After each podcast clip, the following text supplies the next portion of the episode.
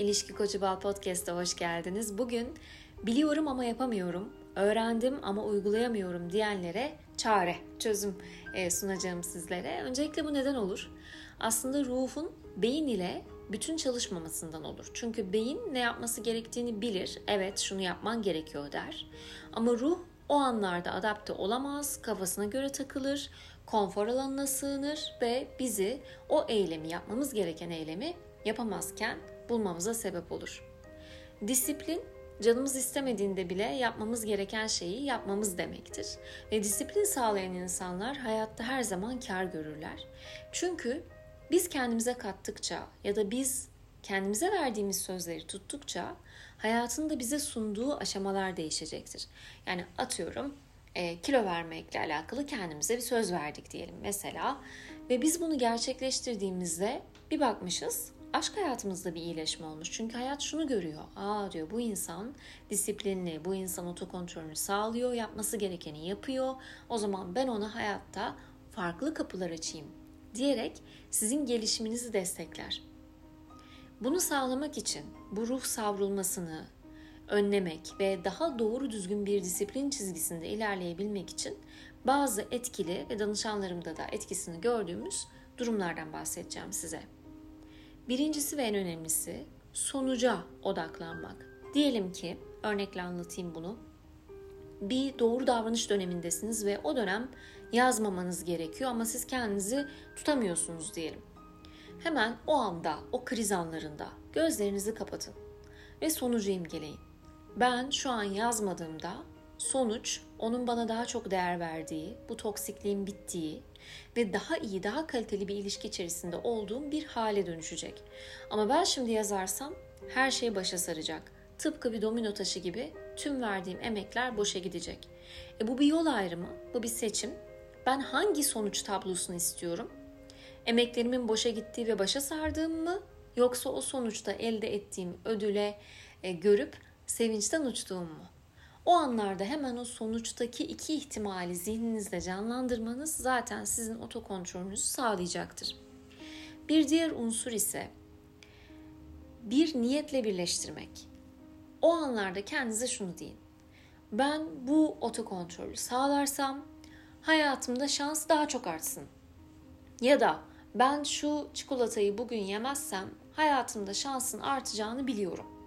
Ya da ben bu doğru davranışı sağladığımda hayatımdaki bereketin çoğalacağının farkındayım diyerek bir bereket veya şans birleştirmesi yapabilirsiniz. Böylelikle o anda itici güç bir ödül sistemine dönüşür ve o andaki mekanizmamız ruhumuzun toparlanmasını sağlayarak evet ben bunu yaparsam daha şanslı olacağım. Ben bunu yaparsam bereketim artacak. Gözüyle bakacağı için ruh çok daha toparlanmış ve çok daha size iyi gelen şekilde ilerlemiş olacaktır. Bir diğer yöntem biriyle iddialaşmak. Bu arkadaşınız da olabilir, kardeşiniz ya da aileden birisi de olabilir. Ama gerçekten de hırs yapabileceğiniz, kendinizi ispat etmek isteyebileceğiniz birisi olsun. Deyin ki, gel seninle bir iddiaya girelim. Ben şu kadar gün şu insana yazmayacağım. Ya da ben şu kadar gün diyet yapacağım. Ya da ben şu kadar gün e, gireceğim sınav için şu testi çözeceğim diyerek bir iddialaşmaya girin. Ve ben bunu yapacağım. Eğer yaparsam sen bana bir şey alacaksın. Eğer yapamazsam da ben sana bir şey alacağım diyerek orada bir e, tırnak içinde challenge başlatabilirsiniz. Bir rekabet ortamı her zaman insanı iten bir güce sahiptir. O anda hırsımız devreye girer, e, bir hani hafiften inatlaşmamız devreye girer. Ya ben bunu başaracağım, onun gözünde mahcup olmayayım, hani kötü hissetmeyeyim, o beni hep duruşlu biliyordu, o duruşu bozmayayım diyerek aslında kendimizi kalıba soktuğumuz bir durum yaratılmış olacak. Bir diğer önerim ise olumlamalar. Olumlamaların müthiş bir enerjisi var. Bir tane e, doktor danışanım e, böyle şeylere pek inanmıyordu. Ve hani daha bilim insanı olduğu için ya yok onlar işe yaramaz boş ver onları bana anlatma sen diyordu.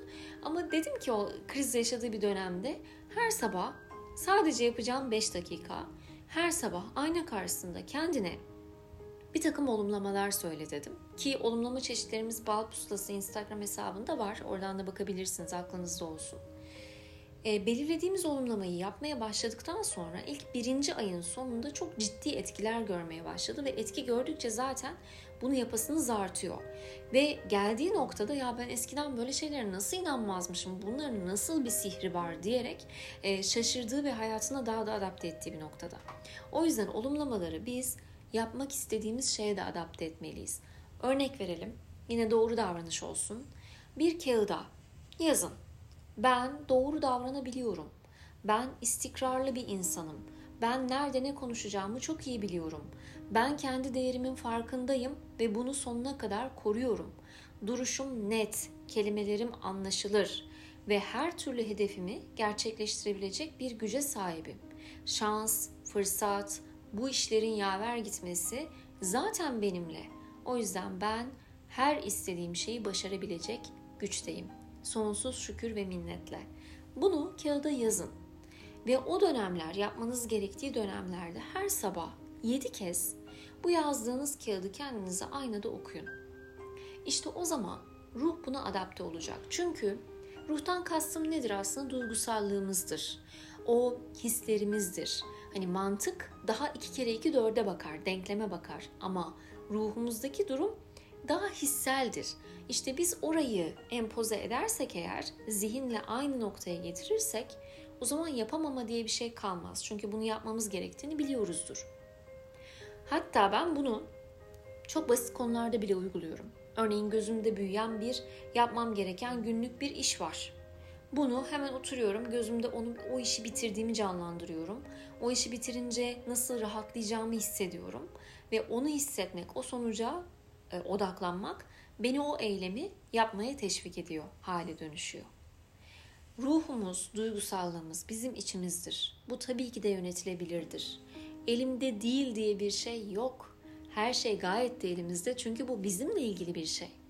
Ve bunu eğer isterseniz bu ufak ama çok etkili olan yöntemlerle gayet de algılayabilir ve hayatınıza e, yaratabilirsiniz.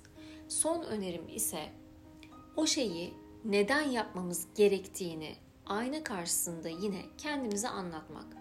Örneğin çünkü zihin denklemleri sever. Yani orada neyi neden yapıyorum, neden sonuç ilişkilerini çok sever. Bunu anlatın. Çünkü bir şey yapmayacağım dediğimizde zihin bunu neden yapmıyorum ki deyip yapar. Ama biz ona nedenini sunarsak bunu anlar ve yapmamaya başlar. Yine her gün kendinizi o moda soktuğunuzu hissedene kadar tekrar edebilirsiniz. Ve nedenleriyle anlatın. Ben bunu şu anda şu şu şu nedenlerle yapıyorum. Çünkü bunun sonunda şu şu şu kazancı elde edeceğimi biliyorum diyerek bir mantık çerçevesinde kendinize anlatın. Bunu yaptığınızda yine duygusallığınız daha bastırılabilir, daha yönetilebilir olacaktır. Allah hepinizin gönlüne göre versin diyorum. Çok sevgilerimle.